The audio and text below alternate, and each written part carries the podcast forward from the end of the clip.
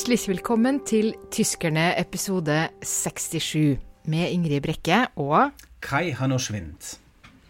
Dagens tema det er selvfølgelig gjenforeninga. Lørdag 3. oktober fyller nemlig Tyskland 30 år. Vi skal prøve å gjøre opp en slags status. Har nå Tyskland blitt en enhet? Det heter jo faktisk enhetsdagen. Og i språkspalta vår så skal vi se på et par ord som er forsvunnet på veien. Ja, det skal vi gjøre, Ingrid. Men hallo, du må jo først si hvor du er. Det er jo så stas. Hvor er du, Ja, Ingrid? ja, for jeg er jo i Berlin. Ja! Jeg er i selveste Berlin. Jeg sitter i Prenzlauer Berg, og hvis jeg hadde nå trukket fra gardina og strukket meg litt, så hadde jeg faktisk sett fjernsynstårnet. Det er Ja. jo det som er mitt kriterium for eh, hvor det er bra å bo i Berlin. Man må alltid kunne se eh, fjernsynstårnet. Det er sant. Jeg syns også det er en sånn fin orientering. Når du ser den, så vet du litt sånn hvor du er. Sånn cirka, i hvert fall. Ja. Ja, Veldig fint. Og Preslor Berg er jo et ganske bra sted å være eh, når det foregår gjenforening. Det er jo virkelig eh, en av de delene av Berlin som har eh, forandra seg. Eh, det har blitt veldig renovert. Det har blitt et slags sånn dyrt borgerlig strøk, eh, vil mange si, og det har de nok eh, rett i.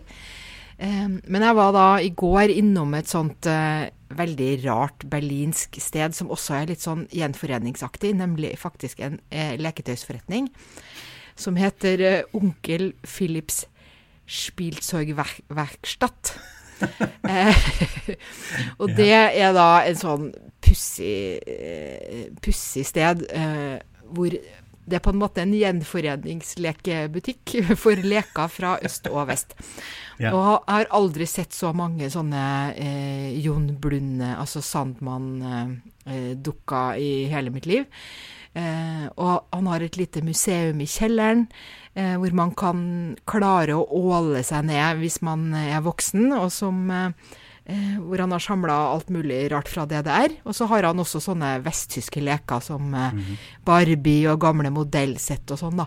Men det morsomste var nesten når jeg spurte han eh, Eh, ja, det er jo gjenforeningsdagen, og skal du gjøre noe? Å, er det nå det er det? Ja, nei, da må jeg jo huske å stenge butikken min, for ellers så kommer politiet. så han hadde ikke et sånt veldig festlig forhold til eh, denne dagen, og det delte han vel kanskje med, med mange. Jeg vet ikke hva du du pleier, å, pleier du å ta, ta fram flagget og slipset og sånn, eller? Ja, du kjenner meg veldig godt. Det, det, det, det, det er so me med flagg og dress. Nei. Nei, det er jo ikke en, den samme type feiring som, som vi hadde f.eks. i fjor med 30 år og murens fall. Eh, da var det jo eh, storfeiring, det kan man jo si, som kanskje har også noe med den hendelsen å gjøre. Altså det at muren falt, det har jo mye større sånn symbolkraft også. Eh, mens nå gjenforeningen, ikke at det er uviktig, men nå er det litt sånn den tekniske pragmatiske, administrative biten.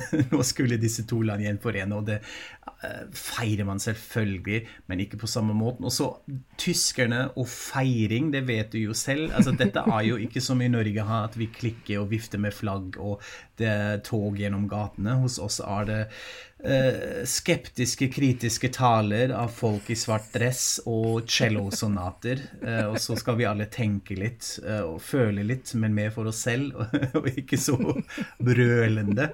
Så, eh, men det skjer jo litt. Eh, det syns jeg var litt interessant, eh, fordi det visste jeg faktisk ikke, at man har feiret gjenforeningen hvert år. Og det er alltid eh, hovedstaden i delstaten som har formannskapet i forbundsrådet i det året, som da arrangerer eh, en slags feiring. Så i år er det altså i Potsdam, som er hovedstaden i Brandenburg i delstaten. Det er jo litt fint at det er en østtysk delstat som har det akkurat nå, Ja. 30 år etter. Og de har da Ja. altså en sånn eh, festakt og en feiring, og de har faktisk feiret allerede i en måned. eh, Med utstillinger og sånn, og motto er 30 år, 30 dager, 30 ganger Tyskland. Eh, og da var det utstillinger, og hver delstat presenterte seg, og organisasjoner og departementer og myndigheter som har hatt sånne stands og sånne ting. Så eh, ja, det har vært en litt sånn organisert feiring, og så er det nok en, et arrangement eh, på selveste dagen, og da blir det selvfølgelig også taler og sånt. Uh, men apropos det du snakker litt om med den butikken som du var uh, inne i, det, fordi det tenkte jeg nå også. altså Denne type ostalgi, som man kaller dette. Altså en sånn nostalgi for alt relatert til Øst-Tyskland. Det fikk jeg inntrykk hadde man mye mer før. Uh, at man var veldig opptatt av nå skal vi spise spreewaldgurken og finne råtkäppchensekt, altså litt sånn DDR-mat. Og uh, det var gøy med en trabantbil som kjørte forbi, og det er mange som ville helst ha det selv. Og på TV hadde man sånne ostalgishows med østtyske kjendiser uh, og musikk fra den tiden, og hvor jeg tenkte ja, på en måte er det jo kjempefint, fordi man prøver å bevare det litt sånn kulturelle arvet. Men samtidig gjorde man litt en sånn Disneyland av det det er òg. Eh, så det hadde alltid en sånn bismak eh, for eh, mange. Men jeg føler at vi har kommet oss litt videre. Og jeg blir litt, litt, lettet når du sier at denne mannen ikke engang visste hva slags dag det var, hvorfor det var stengt. Jeg vet ikke om du deler inntrykket? Nei, altså det, Hva er nå egentlig nostalgi, syns jeg er litt sånn vanskelig å, å, svare så klart på, egentlig. Fordi du har jo både en sånn eh, mimring om det som en gang var, ikke sant. Barne-TV og, og eh, at man hadde bestemte merkevarer man var glad i. Altså sånne Sånn som vi alle er. Altså vi har jo mm. alle det, det sånn at en tidligere del av livet vårt ser vi på i et slags sånn rosenrødt skjær. Og det er det jo ikke noe gærent med. Og hvis du da tilfeldigvis eh, var fra det som var DDR, så har du jo da andre merkevarer og andre ting du knytter det til og kanskje pionerleirer i stedet for speideren og sånn. Og det er veldig ja. vanskelig å være kritisk til det, eller si at det er noe gærent med det. Tvert imot så, så tror jeg det du beskriver som en kanskje litt sånn overdrevent fokus på det, har kanskje vært litt at man har fra vestlig side, eller fra hele Tysklands side, kanskje ønska å på en måte si at eh, ja ja, det fantes jo noe der som ikke var farlig og skadelig og, ja. og, sånn. Og så har man overdrevet det litt, eller kanskje disnifisert det litt, mens nå har jo tida gått, da. Altså nå er det jo eh, de som har eh, minner fra DDR, blir jo færre og færre og, og, eldre og eldre. Og kanskje er det bare en sånn nok en fase i, i, i hva man går igjennom, og at det er litt sånn uh, over nå. Jeg vet ikke. Ja, altså det kan jo være det. Det er, eh, det er, litt interessant hvor mye dette er fortsatt knyttet til identitet, da, tenker jeg. Og mm. Da har det jo også med generasjonen å gjøre. At den unge østtyske generasjonen ikke nødvendigvis forbinder så mye med det. De har alle mulige typer agurk til disposisjon som de kan kjøpe. så de trenger ikke å bare ha én mm, ja. som, som de kjøper, ja. Men det er jo også sånn at eh, det er jo fortsatt kontrovers knytta til hva man skal tenke om DDR, da. Det er jo ikke bare kos og nostalgi og agurker, for å holde oss til det. Jeg, jeg så f.eks. Uh, så vidt uh, litt på debatten i forbundsdagen. Eh, fredag hadde de en sånn såkalt generaldebatt om, om 30 år gjenforening. Og da var det en fra AFD som kalte gjenforeninga en slags patriotisk handling. Altså at uh, her hadde østtyskerne da kjempa fram uh, murens fall og deretter uh, gjenforeninga. Dette må man ta med en klype salt, altså, for jeg hørte på med et halvt øre. Men jeg, jeg så akkurat den setningen, patriotisk akt, og så så jeg hvordan så mange andre, f.eks. Martin Schulz fra SPD, satt og vrei seg. Ja. Eh, men så kom jo hans partikollega, eh, finansminister Olaf Scholz, eh, på banen da, og fikk sagt at vet du hva, gjenforeninga, det var et slags sånn felles europeisk eh, eh, prosjekt med støtte fra Nato, og det var ikke ikke noe sånn der, eh, nasjonalt, da. Ja, og så er det jo de det, som har største opposisjonsparti, ikke sant, så de får alltid lov å tale først. Så de setter litt sånn tonen for sånne debatter, så jeg kan tenke ja. meg at alle vrer seg i stolene. Ja. ja. Nei, så det er mange, mange, måter å diskutere dette på i dag òg, men, men det jeg tenker er litt sånn Eh, viktig nå, det er jo kanskje at debatten har bevega seg videre og blitt en mer sånn indre eh, vest-øst-debatt. Altså at det er mer interessant hva man selv tenker om seg selv.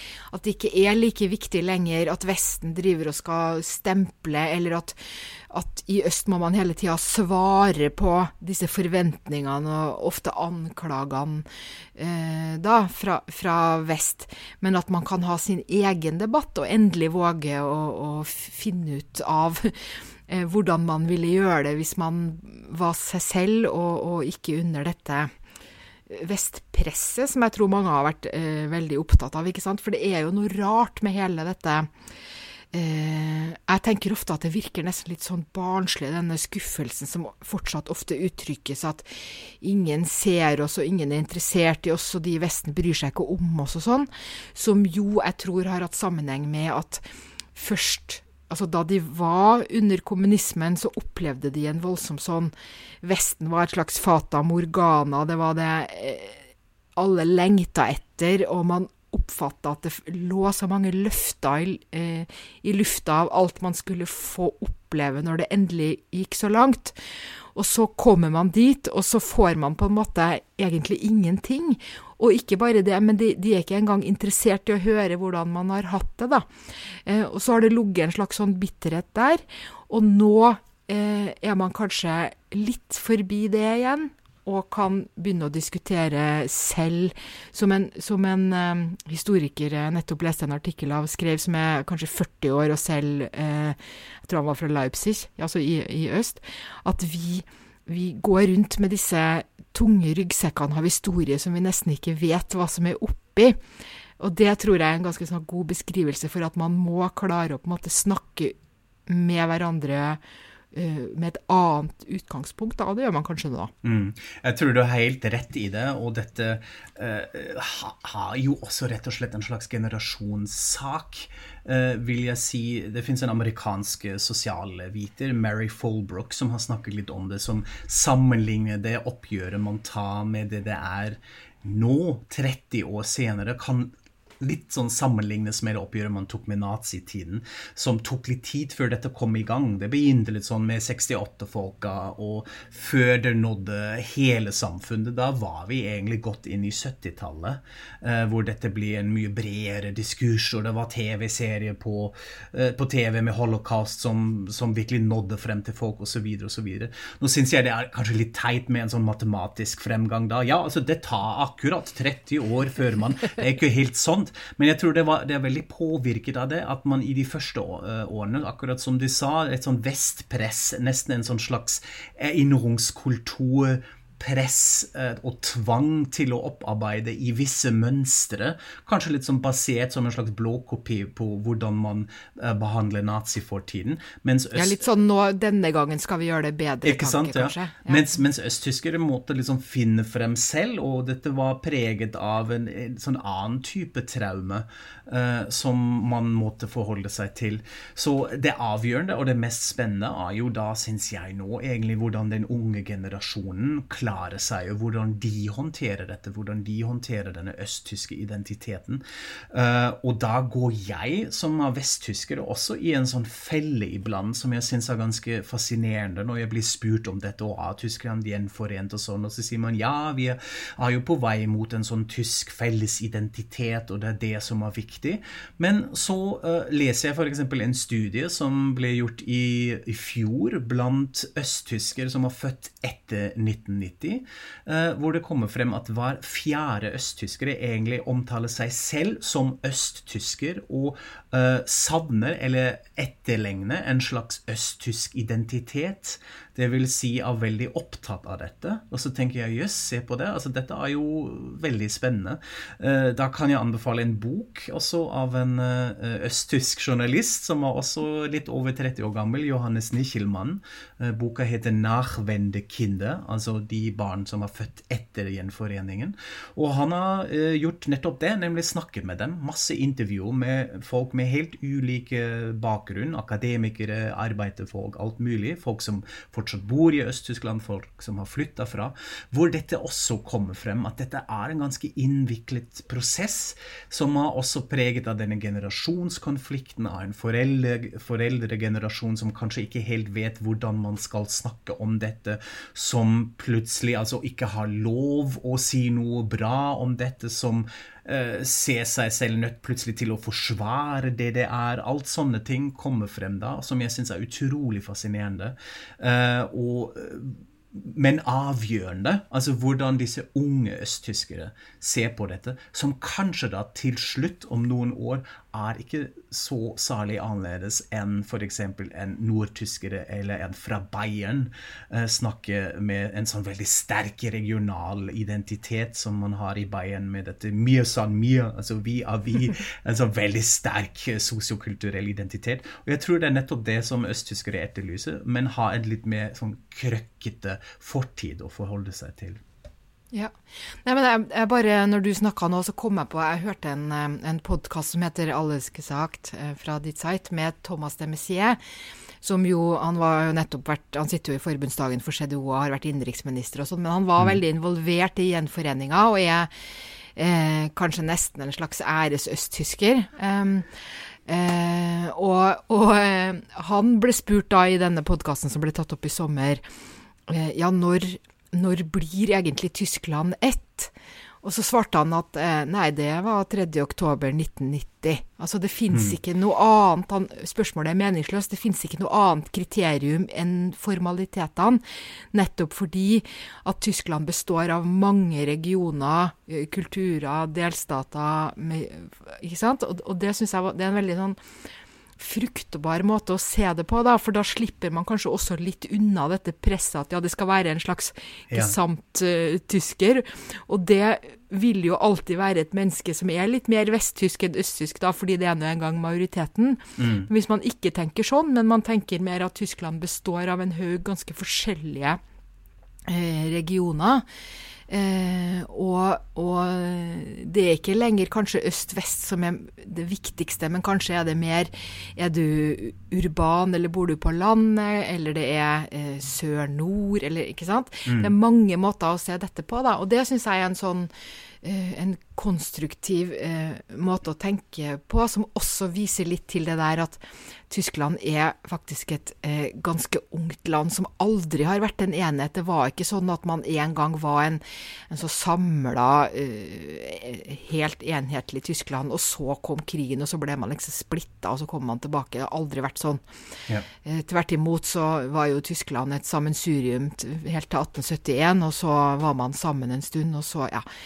Sånn at eh, Tyskland har en veldig fragmentert historie, og det er ikke noe mål antagelig heller at alle skal bli så like og sånn, men det vil ta sin tid før det å være østtysk mister en del sånn negative greier som det nå har hengende ved seg, mm. da, men det kommer det til å gjøre, tror jeg. Ja, og så er det jo også faktisk noe man ikke må glemme, nemlig at denne gjenforening er i mange tilfeller også en gjenforening av familier. Familier som var splitta. Uh, som man nå kunne uh, flytte tilbake til, eller noe sånt, som også er veldig stort. En, en, viktig ting. Så det er ikke sånn at man så på hverandre helt som en, en aliens eller utenlendinger som ikke kunne gjøre noen ting med hverandre.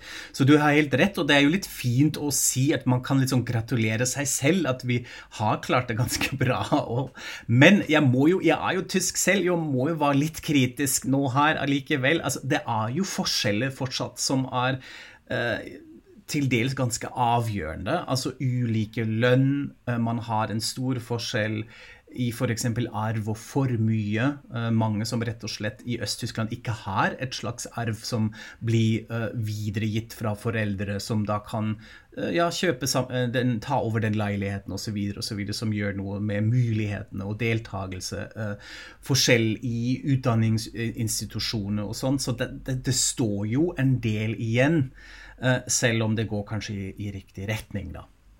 Ja, og det er klart at det står noe igjen, fordi at man mista jo Jeg tenker jo at eh, det som er fælt å si, er jo det at man må på en måte akseptere at det var noen som forsvant på veien. Altså det var noen som mista jobben og aldri fikk den tilbake. Og de kommer heller aldri Nå er jo de pensjonister, ikke sant? Ja. Men, men at det er noen der som aldri helt fant seg til rette og, og, og, ble så lykkelige, ikke sant. Men så kommer de eh, nye eh, generasjonene som har helt andre eh, forutsetninger. Og det man ser nå, er jo at det har jevna seg veldig ut, ikke sant. At nå er det bare det er under 2 forskjell i arbeidsledigheten mellom øst og vest. For 20 år siden var det over 10 forskjell. Det er sant. Eh, lønnsforskjellene er, vel, har nærma seg veldig sånne ting. Men det som er kanskje viktigst nå, det er jo at det er forskjell i hvordan man ser på demokratiet. Ja. Og at i, i en, Jeg leste en fersk undersøkelse at eh, i, i, vest så er det 15% som sier at de er misfornøyd med demokratiet. I øst er det 28 ja. Det er ganske store forskjeller. Mm. Og det handler jo også om dette at AFD, altså Alternativ for Tyskland, er mye større i øst. da. Mm. Så der eh, tror jeg nok eh, dette kommer man til å, å, holde på med lenge. Og der, eh, tilbake til han historikeren jeg refererte til, vi skal legge ut den artikkelen i, i kommentarfeltet når vi deler episoden. Eh, han sa jo også at uh, det er nesten som et slags paradoks, men der man har vært så misfornøyd med interessen fra, fra vest før, så har man man nå grunn til å faktisk være fornøyd, fordi at eh, fordi eh, det er sånn eh, den politiske situasjonen er som den er, så er det så mange politikere fra vest nå som er så interessert i hva som skjer i øst. Fordi man må forstå det for å kanskje forstå ikke bare hva som skjer i Tyskland og, og litt sånn uh, Polen og Ungarn og sånn som er mm. be, litt sånn beslekta fenomener, men egentlig for å forstå hva er dette autoritære som er så lokkende i vår tid. Mm. Eh, og det kan man faktisk eh, se. Altså Hvis man skjønner utviklinga i øst, så skjønner man en del av det. Så øst har på en sånn litt det er jo en litt trist måte, da, men blitt litt mer eh, relevant. Det er absolutt det, og det kan jeg bekrefte. Når jeg var i Seoul i Sør-Korea en del år siden, så var det en stor interesse da for DDR og gjennom gjenforeningen. Hvordan har Tyskland klart dette? Jeg var på et museum da i Seoul som var helt besatt uh, i flere etasjer om gjenforeningen i Tyskland mellom øst og vest. Nettopp fordi dette er en slags blåkopi på dette som du var inne på nå. Altså en sånn overgang fra diktatur litteratur til eh, noe annet, noe nytt. Så det er spennende. Men eh, en, en, sånn siste ting som jeg tenkte på når, når, du, når du, snakker, som, som, er litt interessant, er jo nettopp det klasjet mellom de regionene og det urbane, og hvordan det kan kobles opp på en sånn demokratiforståelse. Og da finnes det jo en del initiativer nå uh, som er østtysk, som er kanskje det avgjørende her. Um, blant annet hørte jeg et intervju med en um, initiativtaker der um, som står bak uh, en, et program som heter Neuland Gevinne, eh, som da oppsøker mange av disse små landsbyene i ulike østtyske delstatene, eh, og eh, som har preget av det vi kaller for landflucht, altså landeflukt. Det er spesielt unge mennesker som flytter derfra, og med folk som blir igjen. Uh, og prøve å skape en sånn ny engasjement for nettopp deltakelse og medbestemmelse i demokratiske prosesser. Arrangere uh, events, prøve å oppfordre å engasjere seg i ulike politiske partier. Ikke overlate feltet til bare AFD og det, men også skape en litt mer sånn nyansert forståelse også mot mediene for de prosessene. Fordi det er ikke sånn at de unge bare flytter derfra Eh, for å komme seg bort fra Øst-Tyskland. De er først og fremst interessert i en sånn urbanitet. De vil flytte til store byer, og det kan der også være i Øst-Tyskland. Det er mange som flytter til Leipzig og Dresden og Berlin og sånt. Eh, men det er mange som har igjen også, så det er ikke at disse regionene blir helt tømt av folk. Det er mange da, men de har bare kanskje gått i en slags dvale, i en sånn passivitet og resignasjon. Og man prøver å aktivere de litt med, med sånne type programmer, da i regi av østtyskere, som jeg syns hørtes ganske lovende uh, ut og gjorde meg litt uh, optimistisk med de prosessene. da. Det er bra, for jeg syns det er litt viktig at vi er skikkelig optimistiske. For det ja. må jeg si, det kan jo jeg si som nordmann, da. At uh, fy søren så imponert jeg er over gjenforeninga og hva Tyskland har fått til på disse 30 årene. Og hvor bra det har gått tross, all, tross alle sånne hindre og alt, alt, som er Det er mange sånne problemer. Noe har vi jo snakka om i dag, og noe ikke. men hvis man tar på seg det der store blikket, da, det store perspektivet, så er det utrolig imponerende og, og ja. Da eh, skal jeg ikke skryte mer men, av Tyskland, men jeg skal heller eh, eh, eh, komme med noen fun facts om gjenforeninga. Fordi jeg har nemlig gjort det jeg alltid gjør når jeg kommer til Berlin. Jeg har vært ute og kjøpt Tipp, som er sånn Hva skjer i Berlin-blad. Og de hadde selvfølgelig lagd eh, 30 eh, fakta om 30 eh, års eh, gjenforening. Mm -hmm. og den første Eh, jeg, dere skal slippe å høre alle, altså. Dere, men jeg har valgt ut tre okay, som jeg likte veldig godt. Ja. Yeah. Og det ene er litt sånn Hvorfor er det akkurat 3. oktober? Vet du det, Kai? Mm, ingen aning.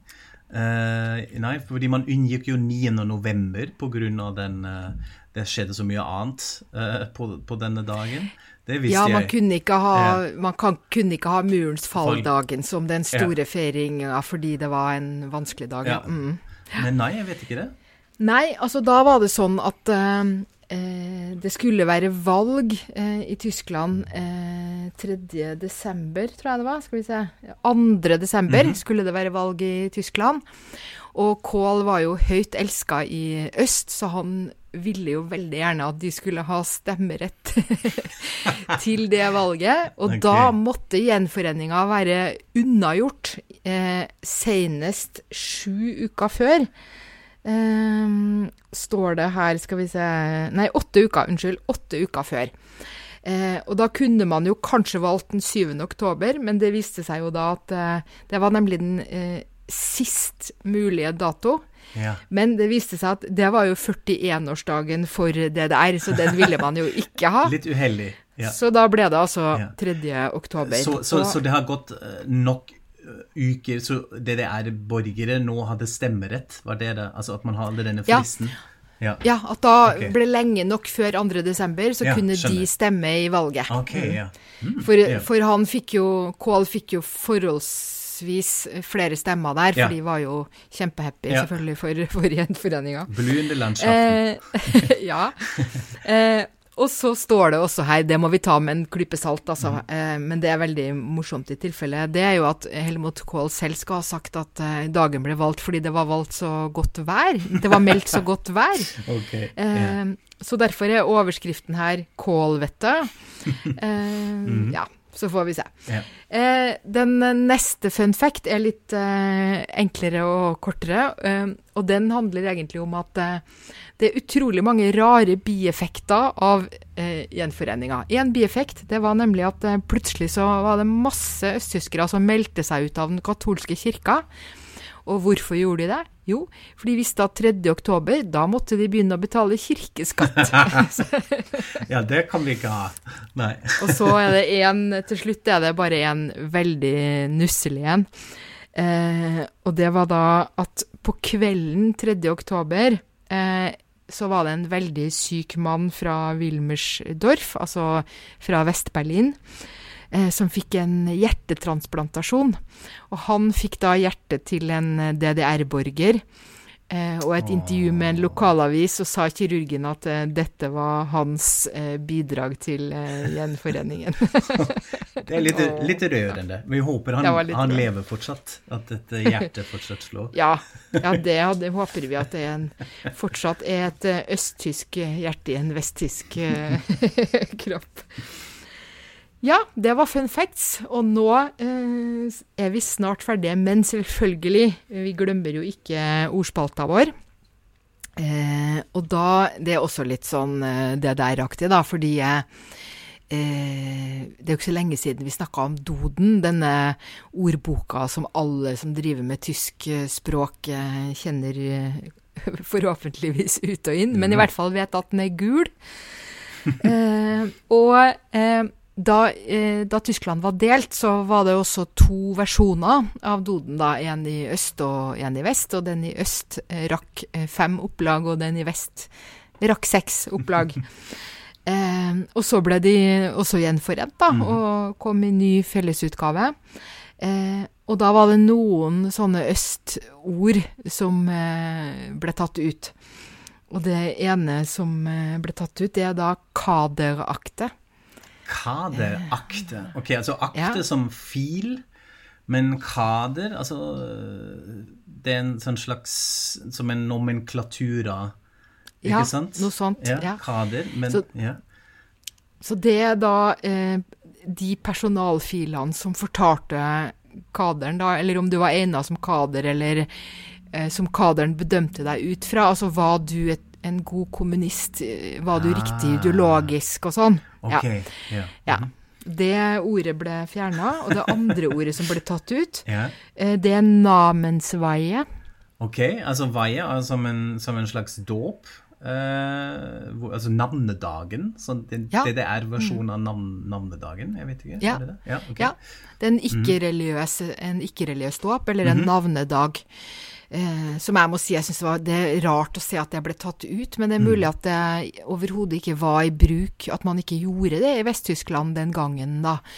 Men i hvert fall i dag så tror jeg man bruker det, og man bruker i hvert fall ordet jugendveie om konfirmasjon. Absolutt, fordi det hadde jeg også hørt, og det er kjent egentlig. Og det er også, en mye lengre tradisjon. Det har ingenting med kommunisme å gjøre. Eh, Det går lengre tilbake, eh, er jeg ganske sikker på. Så ja, men nam, kanskje namensvei er det spesielt det, denne ord, det begrepet der, som var veldig DDR-ete. Ja, det er mulig. Det er mulig. Eh, og det siste ordet jeg ville nevne, det, var- det syns jeg var kjemperart. Det er altså da eh, mer sånn at eh, Øst- og Vestdoden tenkte forskjellig.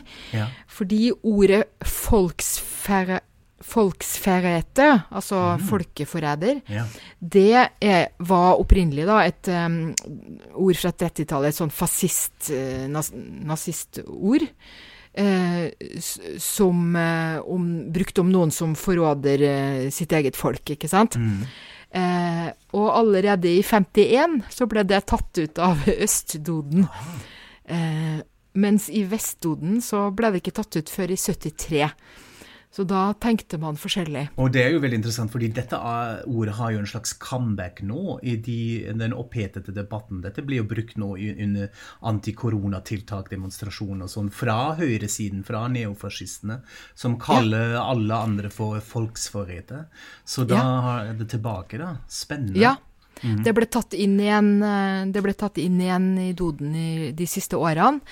Og i 2016 så ble det kåra til dette Unvåt des Jahres. Ja. eh, Årets eh, er- uord. Ja, årets uord, som man sier om disse verste ordene. Ja.